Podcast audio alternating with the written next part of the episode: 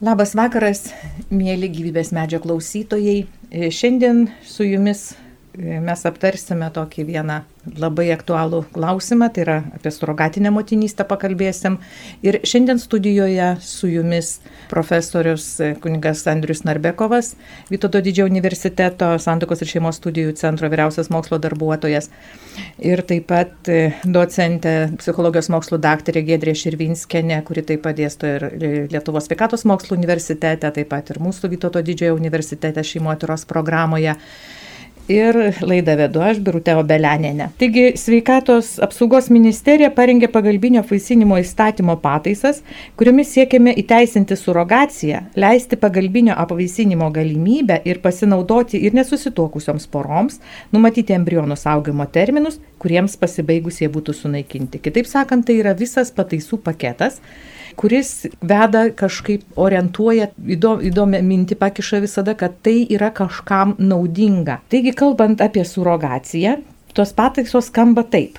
Pagal pataisas surogacija būtų galima, jei moteris įsipareigotų, naudojant kitos poros lytinės lasteles, reprodukcinius audinius ar embrioną, pastoti, išnešioti ir pagimdžiusi perduoti kūdikį šiai porai, Jei poros moteris serga lyga, dėl kurios neštumas tokiai moteriai yra kontraindikuotinas ir ar fiziologiškai negalimas ir šis procesas yra nepagrindžiamas. Man keišiausia skamba, kad tai skamba kaip surogacija yra vienintelis nevaisingumo gydimo būdas. E, nors apie gydimą čia tikrai visiškai net, kaip pasakyti, net nepanašu. Taigi klausiu profesorių kuniga Andriu, sakykit prašau, kokias moralinės ir etinės problemas kelia surogacija? Mes žinom taip pat, kad pavyzdžiui iš konvencijos dėl žmogaus teisų ir orumo apsaugos biologijos ir medicinos taikymo srityje 21 straipsnio nurodyta, kad žmogaus kūnas neturi būti finansinės naudos šaltinis. Ir atsižvelgdamas į šios tartautinių sutarčių kilančius įsipareigojimus. Yra įsipareigojimas taip pat Junktinių tautų konvencijos dėl visų formų diskriminacijos panaikinimo moteriams šeštas straipsnis, kad tai taip pat yra kaip moterų diskriminacija. Tai dar kartą primenu klausimą, kokios kyla moralinės retinės problemos ir moteriai, tiek vaikams, tiek, tiek valstybei.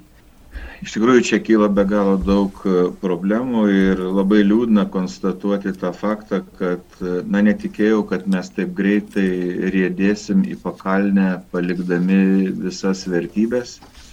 Dar nepraėjo ne vieneri metai po naujos valdžios, kuri dabar valdo Lietuvą ir iš kurios tikėjomės labai daug. Tačiau liūdna konstatuoti, iš tiesų jau su žmogaus gyvybe tas įstatymas, kuris buvo priimtas ir ką dabar čia bando sakyti, mes jau tą kovą pralaimėjom. Iš tikrųjų, žmogaus gyvybė yra neverta nieko, galima ją sunaikinti, galima bet kaip su ją pasielgti. Bet šiandieną mes kalbam dar apie kitą dalyką, kur jau yra net sunku tą įsivaizduoti mes sunaikinam motinystę, mes sunaikinam motinystę ir motinos ir vaiko ryšį. Na tiesiog netelpa į galvą, kaip mes galime taip toli nusiristi. Na pažiūrėkime, koks galėtų būti atvejis, kai kalbam apie surogaciją. Tai vaikas būtų pradėtas iš vienos moters paimtos kiaušialastės, būtų išnešiotas kitos moters, va dabar ką kalbam, surogatinės moters, kurią net sunku pavadinti motina, būtų vaikas auginamas jau trečios moters, dažniausiai toks vaikas būtų atskirtas nuo tėvo, nes e, būtų naudojamos anoniminės e, vyriškos lytinės lastelės. Na, tiesiog yra nesuvokiama, koks nužmoginantis procesas mūsų laukia. Taigi aš galvočiau, kad e, visada, ką norima pasakyti, kad čia yra geri tikslai, čia gims vaikai, mes padėsime, norai tai yra kilnus, tačiau net tuo keliu einam. Mes norime už pinigus komerciniu pavydalu spręsti kažkokias tai susidariusias problemas. Maničiau, kad ne vien tik tai tie, kurie yra paliesti nevaisingumo vienokia ar kitokia prasme, turėtų labai aiškiai pasisakyti, kodėl surogacijai mes neturėtumėm pritarti. Kodėl visiems žmonėms, kurie yra protingi, kurie yra vertybiniai, tai turėtų būti nepriimtina. Todėl, kad visos tos procedūros būtų pradėtos vėl taip pat su mėgintuvėlio pagalba, būtų paimtos lytinės lastelės, embrionai būtų šaldomi. Iš tikrųjų, embrionai tai jau nėra paprasta lytinė lastelė, rodo, kad kaip jų labai reikia, kodėl tokios yra didelės kainos. Toliau, kas vyksta su tais užšaldytais embrionais. Pagaliau e, puikiai žinome, kad eugenika, kuriai visas protingas pasaulis ir laisvas pasaulis neturėtų pritarti, kada reikalaujama abortuoti vaikus pradėtus po dirbtinio apvaisinimo, jeigu jie netitinka tam tikrų standartų. Žinoma, pirmiausiai turėtų tam nepritarti moteris, todėl kad čia yra nutraukiamas nuostabiausias ir švenčiausias ryšys motinos ir vaiko. Kuomet pagimdžius vaiką, tą vaiką reikia atiduoti ir žinoma dar už akį. Kad moteris jinai yra sudaiktinama vaizdžiai šnekant, moteris tampa tuo inkubatoriumi. Jis yra naudojama tik dėl gimdos, ne dėl to, kaip asmuo, kaip žmogus. O po to jinai ir teisiškai, ir emociškai yra paliekama nuo šalyje. Juk pažiūrėkime, jeigu moteris pati sutinka pagimdyti vaiką įvaikinimui, jinai gali persigalvoti, jinai prisiriša, pamilsta tą vaikelį, Arba jeigu jinai mato, kad įtėviai netinkami, gali tiesiog to vaikelio nebeatiduoti. Tačiau, kai kalbam apie surogatinę motiną, kuri pasirašo tą kontraktą, jinai tokių teisių jau nebeturi. Tai ką mes galime įsivaizduoti begalinį nežmoniškumą. Kodėl atsižvelgdami į vaiką, kuris tokiu būdu ateitų į pasaulį, mes turėtumėm atmesti pačią surogacijos idėją tos psichologinės problemos, kurios yra gerai žinomos mokslo ir tikiuosi mūsų svečias apie tai pakalbės, apie vaiko ir motinos ryšį. Tos medicininės visokios rizikos, kurios kyla vaikui po dirbtinio apvaisinimo mėgintuvėlyje. Puikiai žinome didesnę riziką įvairiausių sklaidos trūkumų. Pagaliau ta didžiausia rizika, kokia gali būti, ogi būti išbrokuotam dėl vienokio ar kitokių sklaidos trūkumų. Dar daugiau turėčiau pasakyti, kad pati valstybė kaip tokia dėl savo prestižo jinai turėtų tokio dalyko nepriimti ir tokiam nepritarti. Puikiai žinome, kad moteris neišsivyšiusiose šalyse gyvenančios ir tos šalis, kurios yra turtingos, jos perka šitą paslaugą. Tos moteris tampa tais inkubatoriais už pinigus ir rizikuoja savo sveikata ir visų tuo, kas yra žmogiška. Tai yra jau žinoma ir Indijoje, ir Ukrainoje. Kad pelno siekimas čia yra pagrindinė varomoji jėga, kad tai yra vaikų biznis, rodo ir duomenys e, iš pasaulio praktikos. Visame pasaulyje apie 30 milijardų dolerių yra už surogaciją. Tai yra milžiniški pinigai. Beje, reikia pasakyti, kad dėl to, jog šalis saugo savo vardą, surogacija yra kai kuriuose šalise nelegali, kaip pavyzdžiui Prancūzijoje, Suomijoje. Beje, reikia priminti, kad Europos parlamentas atmetė siūlymą legalizuoti surogaciją Europoje. Ir viena iš tokių kliūčių įstoti į ES, pavyzdžiui, Ukrainai, tarp daugelio kitų yra būtent įteisinta surogacija, kuomet vyksta būtent priekyba vaikais. Toliau, kadangi mes čia šnekam apie laisvą kraštą, apie laisvę, kuri dabar taip yra devalvuota, bet dėl to laisvės ir privatumo argumento mes turėtumėm pasisakyti prieš surogaciją. Todėl, kad nepaprastai sumažėja privati erdvė. Juk kas yra nepaprastai intimu, yra perkeliama į teisinį lygį, komercinį lygį. Litinės lastelės jos patenka į tuos biologinius bankus. Ir pažiūrėkime, kiek asmenų apima surogacija. Iki penkių asmenų.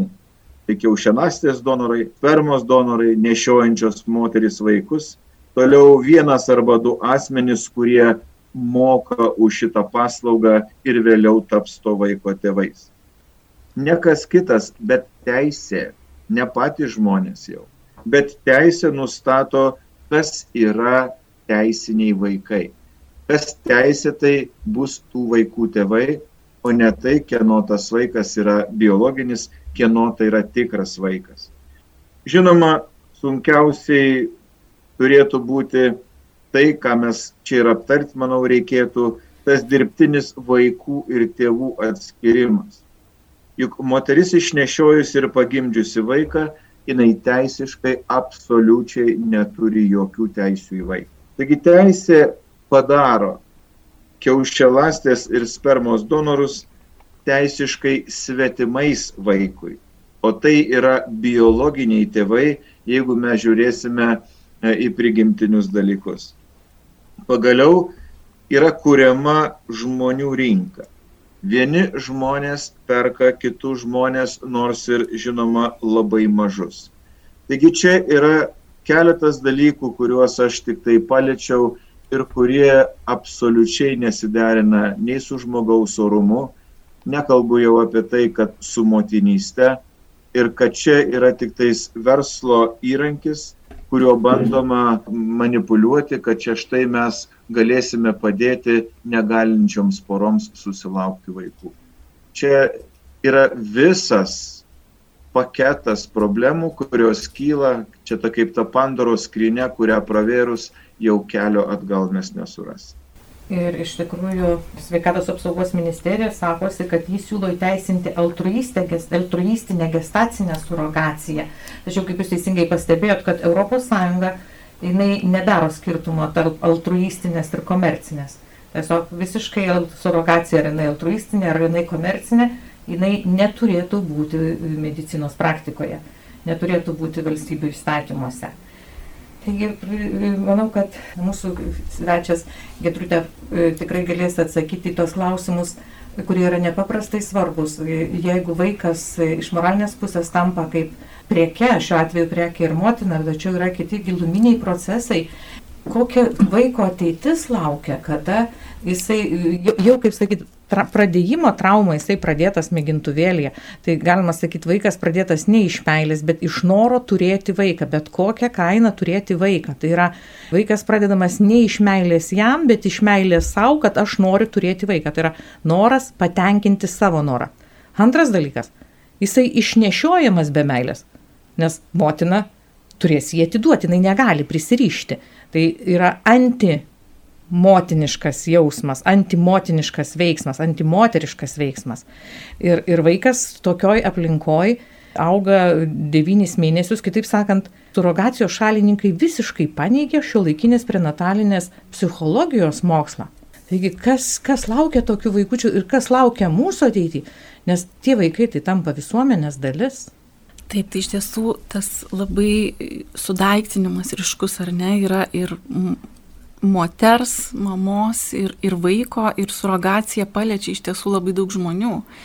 Ne tik e, tuos suaugusius žmonės, kurie sulaukia vaikelio, ne tik e, moterį, kuri išnešioja, ne tik vaiką, kuris gimsta, bet ir daug aplinkinių žmonių, ar net tai yra ir surogatinės motinos, pavyzdžiui, kitus vaikus, šeimą, kokia tai yra žinia jos vaikams, kitiems. Ir tai tikrai prieš prigimti aktyvus veikimas yra e, prieštaraujantis e, žmogaus prigimčiai. Ir e, na, labai mechanistiškai žiūrima į, į vaiką ir į tai, kas vyksta vienas dalykas iki gimimo, bet taip pat ir po gimimo. Tikrai iki gimimo vyksta jau labai sudėtingi procesai, tai yra ir prieraišumas formuojasi, ir, ir pačios surogatinės mamos organizme ir psichikoje vyksta labai intensyvūs procesai, kurie pačioj pradžioj net gali būti visiškai nu, nenumanyti, nenumatyti. Nepaisant to, kad e, šalise, kur yra įteisinta surogacija, na, dažniausiai toks kriterijus yra, kad surogatinė mama jau turi turėti savo vaikų, ne va tai, kad jaunai gali nuspėti, kas jos laukia, kad jinai žino, kas vyksta. Bet šiuo atveju vis tiek neįmanoma numanyti ir, ir numatyti kas vyks e, nešiojant vaiką, kurį teks atiduoti kitiem žmonėm ir iš tiesų čia paradoksų yra labai daug. Sakykime, labai gerai žinoma, kad prieraišumas, kuris formuojasi ne tik po gimimo, bet ir iki gimimo, yra labai svarbus vaiko psichosocialiniai raidai, tam, kad jis sveikos asmenybės pamatas galėtų formuotis, yra labai svarbus prieraišumas. Ir jis prasideda iki gimimo. Ir ypač dabar va šita prenatalinio prieraišumo tyrimų sritis, jinai labai tikrai yra intensyviai plėtojama. Nes žinoma, kad to prieraišumo kokybė labai susijusi su paskui jau tuo, koks bus prieraišumas. Tai kuo didesnis tas prieraišumas prenatalinis iki gimimo, tuo jis yra geriau vaikui. Bet sunkiau mamai, nes jai reikės atiduoti, ar ne? Vadinasi, mama, jau žinodama, kad turės atiduoti vaikas, tengiasi neprisirišti prie jo. Ne? Tai vadinasi, jinai turi būti atsiribojusi nuo, nuo to, kas vyksta jos organizme. Bet prieraišumas turi ir biologinį pagrindą, tai yra oksitocinas, pavyzdžiui, išsiskiriantis neštumo metu ir ypač gimdymo metu ir po gimdymo, kuris taip vadinamas meilės hormonų. Jis vis tiek sukelia moteriai jau tos prieraišumo jausmus ir vadinasi paskui jisai nutrūksta. Bet tyrimai rodo, kad surogatinių motinų atveju tas prieraišumas iki gimimo yra mažesnis. Vadinasi, jau vaikas iki gimimo auga mažiau palankiom sąlygom. Jis nejaučia tikrai tiek meilės šilumos.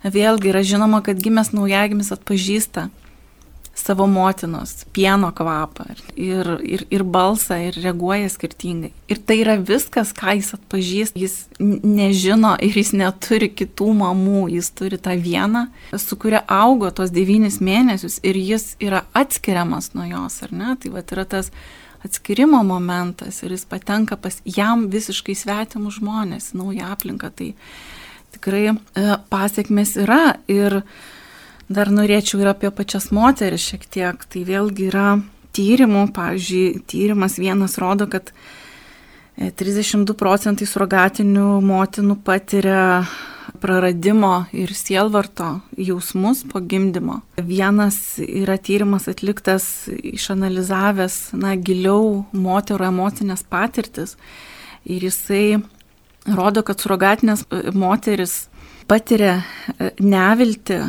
emocinį skausmą ir kentėjimą. Paskaitysiu vieną citatą, tai yra vienos moters balsas, tai kaip jį jaučiasi, tai yra 33 metų moteris, doktorantūros studentė, ji tame tyrimė taip kalbėjo, po gimdymo kenčiau nuo sunkios depresijos, aš negalėjau tęsti savo studijų, negalėjau netgi rūpintis savo pačios vaikais, nenorėjau matyti vyro, nes aš galvojau, jeigu jis būtų turėjęs daugiau pinigų, man nebūtų tekę eiti per visą tai. Aš nuvykau pas savo tėvus šešiems mėnesiams ir pradėjau gydimą. Dabar praėjus aštuoniems mėnesiams aš nustojau vartoti medikamentus ir grįžau į universitetą. Ir net tai, ką mes darom, kam mes čia jokio gėrio nekuriam absoliučiai, o tiesiog yra daug žmonių, kurie lieka nuo to nukentėję. Be jokios abejonės, man, man atrodo, klausant, kad vis dėlto tie, kurie yra už surogaciją, jie kažkaip tai traktuoja žmogaus kūną, kad ir moter, moters kūną atskirai visiškai nuo jo asmens. Tarsi kūnas ir tai, kas su juo vyksta, neturi jokios įtakos asmeniui, o tuo tarpu žaizda padaro mane paprastai gili. Ir čia jau turbūt kunigo Andriui klausimas, kaip, kaip tai, šita tradicija kūno ir asmens atskirimo jinai nepaprastai įsigalinti, tai yra postmodernizmo idėja, kad žmogus yra kaip su, sukonstruotas aplinkos ir kuo tai gali baigtis, kada, bet, bet konkrečiai, konkrečiais atvejais, kada yra e, kūno ir, ir e, žmogaus asmens traktavimas kaip atskirai. Kaip, ats, kaip, kaip tarsi kūnas gali būti kaip instrumentas, kurį tu gali vat, pasinaudoti savo, užsidirbti pragyvenimui. Žinoma, tik tais galima pasakyti, kad čia yra savotiška šizofrenijos forma, todėl kad, na, kai kalbam apie skizofrenos, tai suskilęs protas, tai čia mes žiūrime į žmogų suskaldytai, kūnas savo, žmogus savo. Bet žinoma, tas nepamatymas žmogaus tokio, koks jisai yra, jis labai nuvertina patį asmenį, nes, na, visi tai, man, man tai čia toje vietoje yra skaudžiausia, yra tai, kad mes kėsinamės į motiną. Į motiną, kuri turėtų būti šventas. Na, galbūt aš dabar truputėlį esu paliestas mamos netekties, bet aš neįsivaizduoju, kokį galėtų turėti vaikas e, netekti ir nuostolį, jeigu jis neturėtų tokio ryšio, kokį vaikas natūraliai su mama turi. Kas be gali būti šventesnio, kas be gali būti didesnio stebuklo už motinystę. Štai dabar tai tampa už pinigus, tai tampa komercijos objektu. Čia yra kertantis per viską, per žmogiškumą, per, per apskritai dalykus, kurie žmogui turėtų būti patys svarbiausi. Tai žinoma, tai daro tie, kurie įsijungia į šitą verslą, kuriem nieko nėra švento. Nei gyvybė žmogaus yra šventa, nei yra tas ryšys e, motinos ir vaiko šventas. Pagrindinis dalykas, kas jiems kabutėse šventas, tai yra verslai, pinigai, o toliau jau kaip ten bebus. Tai štai čia mes turime iš tiesų labai liūdną situaciją ir kad tokiu pagreičiu mes iš tiesų judame ir tolstame nuo tų vertybių, prie kurių turėtumėm sugrįžti, yra akivaizdu. Ir, ir šiandieną, ko mums trūksta, mums trūksta to tokio tikro ryšio su žmonėmis, mums trūksta pasitikėjimo vieni kitais ir mes visą tai bandome sugriauti iš pamatų. Tai čia, ko gero, yra baisiausia, ką aš matau būtent toje galimybėje, jeigu jinai tokia taps, būtent e, nuvertinti tai, kas yra mums švenčiausia. Keiščiausias dalykas, kad e, sveikatos ministerija rašo, kad e, porų, kuriuoms surogacija vienintelis galimas nevaisingumo būdas daugėja. Tačiau nėra daryta jokių Lietuvoje, jokių epidemiologinių tyrimų, kiek iš tikrųjų yra nevaisingų porų, kiek iš tikrųjų pasinaudos porų šitą surogaciją, norėtų galbūt pasinaudoti. Tai yra tas kokios kilmės tas nevaisingumas. Aš manau, kad profesorė, ką dabar sako, Birutė, tai nu, vis tiek mes galima bandyti tarp eilučių kažką nepasakyti, bet na, mums yra puikiai suprantama, kas stovi už tų lobistų, kurie bando šituos visus reikalus prastumti. Ką čia kalbėti jau yra tiesiog pavargom nuo to, kad čia nėra joks nevaisingumo gydimas. Be jokios abejonės čia yra dedami žingsniai ir nereikia čia įvardinti ir tų politinių jėgų, kurios to trokšta, kad tai būtų tiems, kurie negali biologiškai turėti savo vaikų. Ir aš kalbu apie tos pačios lyties partnerius, taip pat bus partnerystės įstatymas, taip pat bus visa tai e, įvaikinimas, savo vaikų turėjimas. Ta prasme, kad jiems reikės turėti vaikų, nors jie negali biologiškai to padaryti, tai štai čia juos bandys gydyti. Na, tiesiog yra, na, absoliučiai neturi jokio loginio ryšio visa jų ideologija, kad mes čia gydom žmonės, mes gydom nevaisingumą. Tai yra netiesa ir, ir manau, kad visi, kas tik tai gali ir, ir, ir turi kokias nors e, įtakas e, svarstant šituos klausimus, visi turi kalbėti. Kažkodėl mes Juk pasižiūrėkit, mes dabar negirdim jokių diskusijų, jokių analitinių laidų nebėra jokioj lietuviškoj žiniasklaidoje. Kad kita nuomonė apskritai neturi teisės egzistuoti. Ir štai einama tiesiog traiškant žmonių gyvenimus, traiškant žmonių likimus, turint rankose valdžią. Ir, ir tai yra labai liūdna. Tokie du dalykai mane visą laiką stebina, kada, kada iškyla tokie e, su žmogaus gyvybė susiję įstatymai. Pirmiausia, tai kad e, visada e, tai pradeda tik ką sušylę kojas politikai, taip kaip pavyzdžiui Morgana Danielė. Jis iki tol buvo bent jau nežinoma šitoj srity visiškai, jinai buvo dirbo su narkotikais ir dabar staiga jinai pasisako už surogaciją tai tarsi sukėlus tokį gerą skandaliuką gali pasidaryti iš karto populiariu. Ir antras dalykas, kas labai stebina, tai kad jie visada kalba emociškai, tai yra bando kalbėti per žmonių emocijas, paveikti žmonių emocijas. Žiūrėkit, žmonės yra nevaisingi, kaip jie išgyvena, koks, koks yra didžiulis, didžiulė trauma jiems ir, ir, ir, ir vat, visokie, visokiojopais būdais čia jiems dabar reikia padėti. Bet matot, Birutė, jūs paminėjote, aš nenoriu minėti kai kurių čia vardų nei pavardžių, bet e, jie to neslėpia, kad jie tą darys. Liūdniausia yra, kad tai daro tie, kurie išpažįsta krikščioniškas vertybės, kurie savo partijų pavadinimuose turi labai aiškius e, pavadinimus, kurie turėtų nekelti abejonių, kad jie bus už šeimą, už tėvystę, motinystę, už vaikystę, kad jie saugo žmogaus gyvybę, e, puoselė sveikatą ir visi tie, kurie taip tikėjo ir pasitikėjo, jie tiesiog yra dabar apgauti, jie tiesiog yra, na, tai trūksta žodžių, ką galima būtų pasakyti, bet manau, kad čia šita situacija yra apgailėti. Taip, iš tikrųjų, bet grįžkim prie, prie vaikų ir, e, gedrutė, sakykit, tarkim, tokią situaciją su, sumodeliuojam. Tark kitko, tas tokia situacija gana dažna ir tose šalyse, kuriuose yra įteisintos surogacijos, yra ir aprašyta, kad tai yra įvykę, e, gimsta vaikas neįgalus. Tėvai atsisako, tie tėvai, tie, kurie sumokėjo už surogaciją. Motinai neleidžia jos pasilikti, nes jinai pasižadėjus, kad jinai jokių teisių neturi. Kiek mes čia turim nelaimingų žmonių iš karto? Ir tokie, gal, gal jūs turit, kiek tokie atvejai dažni yra tose šalyse, kurios, kurios surogacijas teisina? Tai iš tikrųjų tikrai, aišku, pasirašomi kontraktai būna įvairūs, kur irgi labai daug tikrai probleminių vietų ir diskusinių klausimų ir turbūt pačioj šitoj tematikų išprogramuota, kad čia problemos yra neišvengiamos. Tai ir tai, ką jūs minėjot, tai labai gerai žinomas, sakykime, vienas pavyzdys, kur tailandietė surogatinė motina, kur pagimdė du dvinukus ir tie tėvai pasėmė, tik biologiniai tėvai pasėmė vieną sveiką kūdikį. Ir be kita ko, jie neštumo metu reikalavo, kad būtų atliktas abortas, bet tada jau surogatinė motina nesutiko.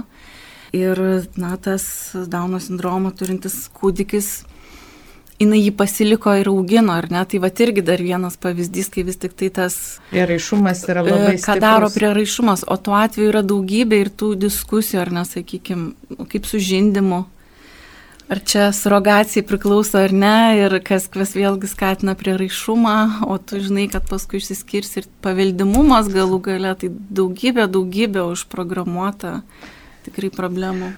Aš tik tai norėčiau pasakyti, kad e, šito verslo atstovai, tie, kurie dirba su dirbtinio apvaisinimu ir kuriems čia labai prireikia surogacijos, jie jau turi įsidėję saugiklius, kad tų vaikų su visais galimais sveikatos sutrikimais, su sklaidos trūkumais, jie negimtų.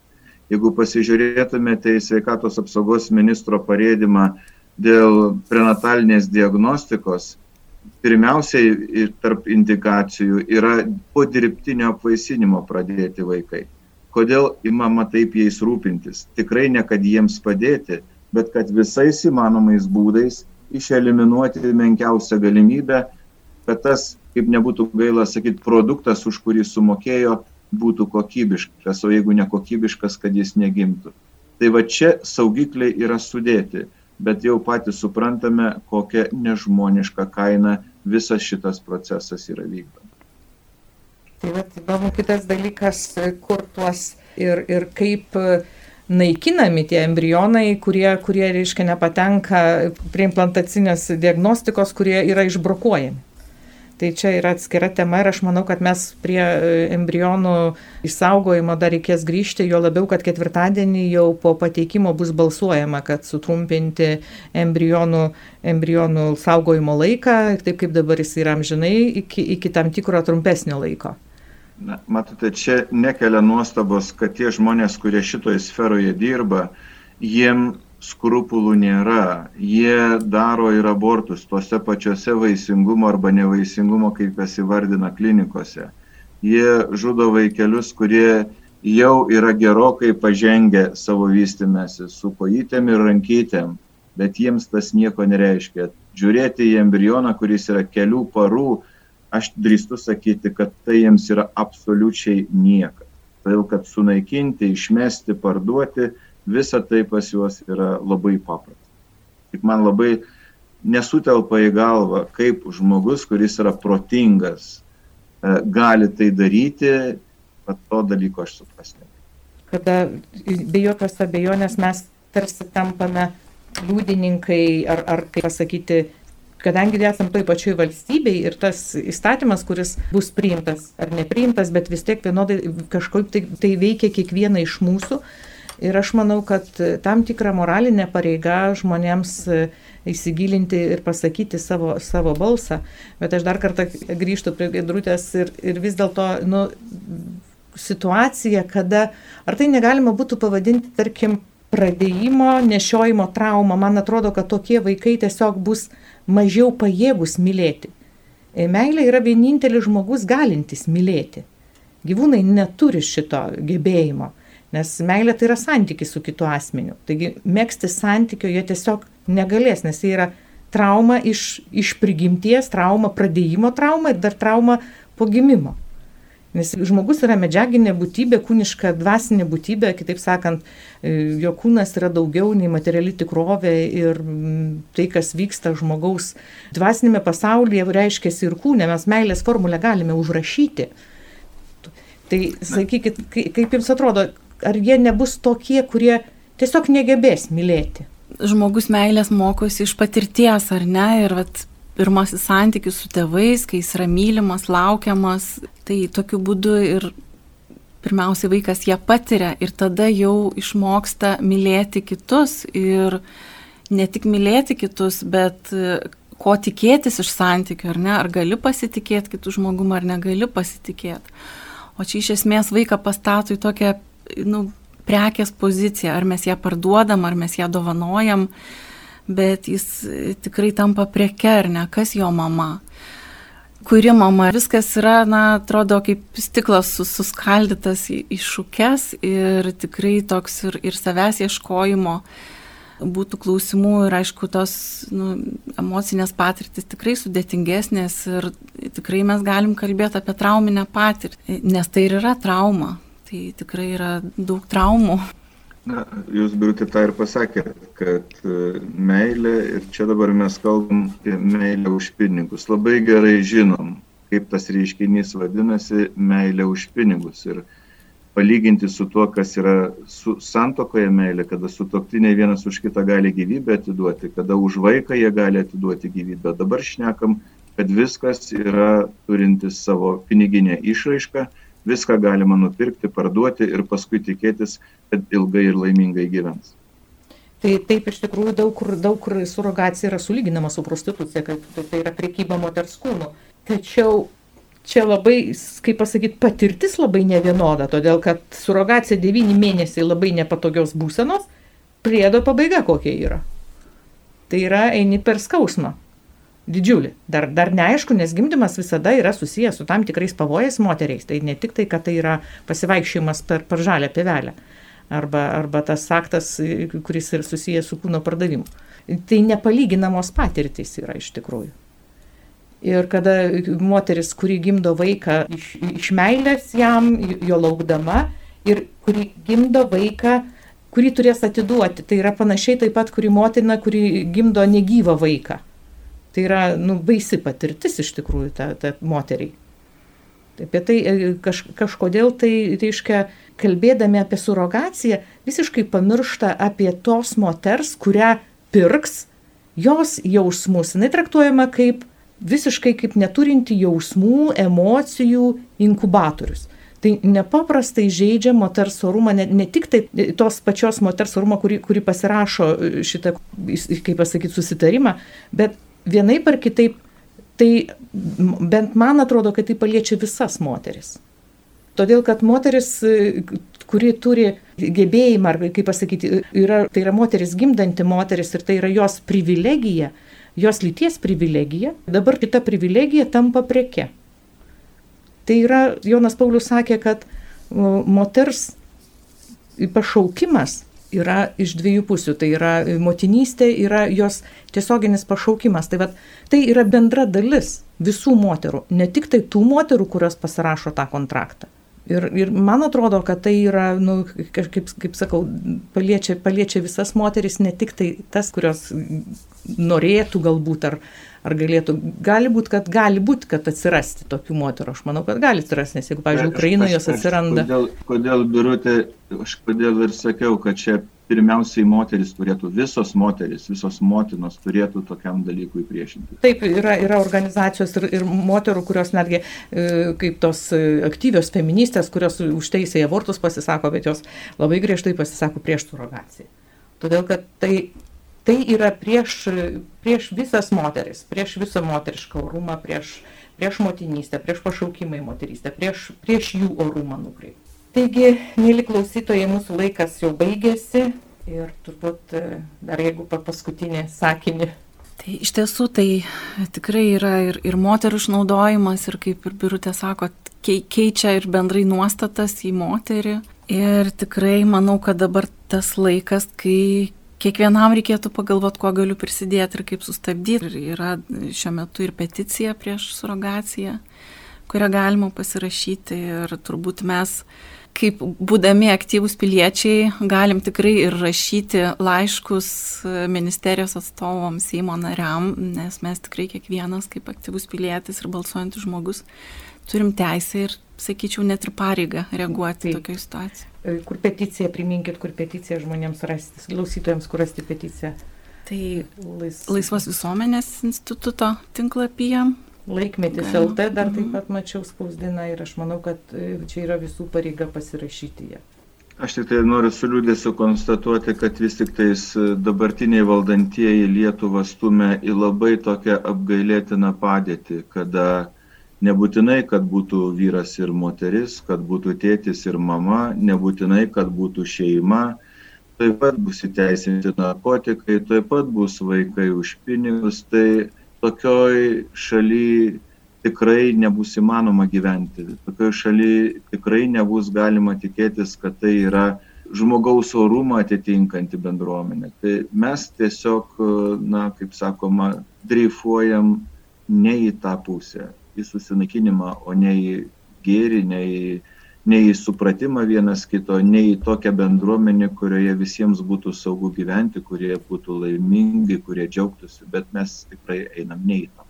Labai. Tai atrodo, kad pasikeitimai yra galimai gali būti labai dideli. Taigi su tokia nelinksma gaida atsisveikiname su jumis, mėly radio klausytojai, sudie. Sudie. sudie. Girdėjote laidą, kurioje, reaguojant į sveikatos apsaugos ministerijos siūlymą įteisinti surogatinę motinystę, kalbėjosi profesorė daktarė Birutė Obeleninė, profesorius daktaras kunigas Andrius Narbekovas ir psichologė Giedrė Širvinskinė.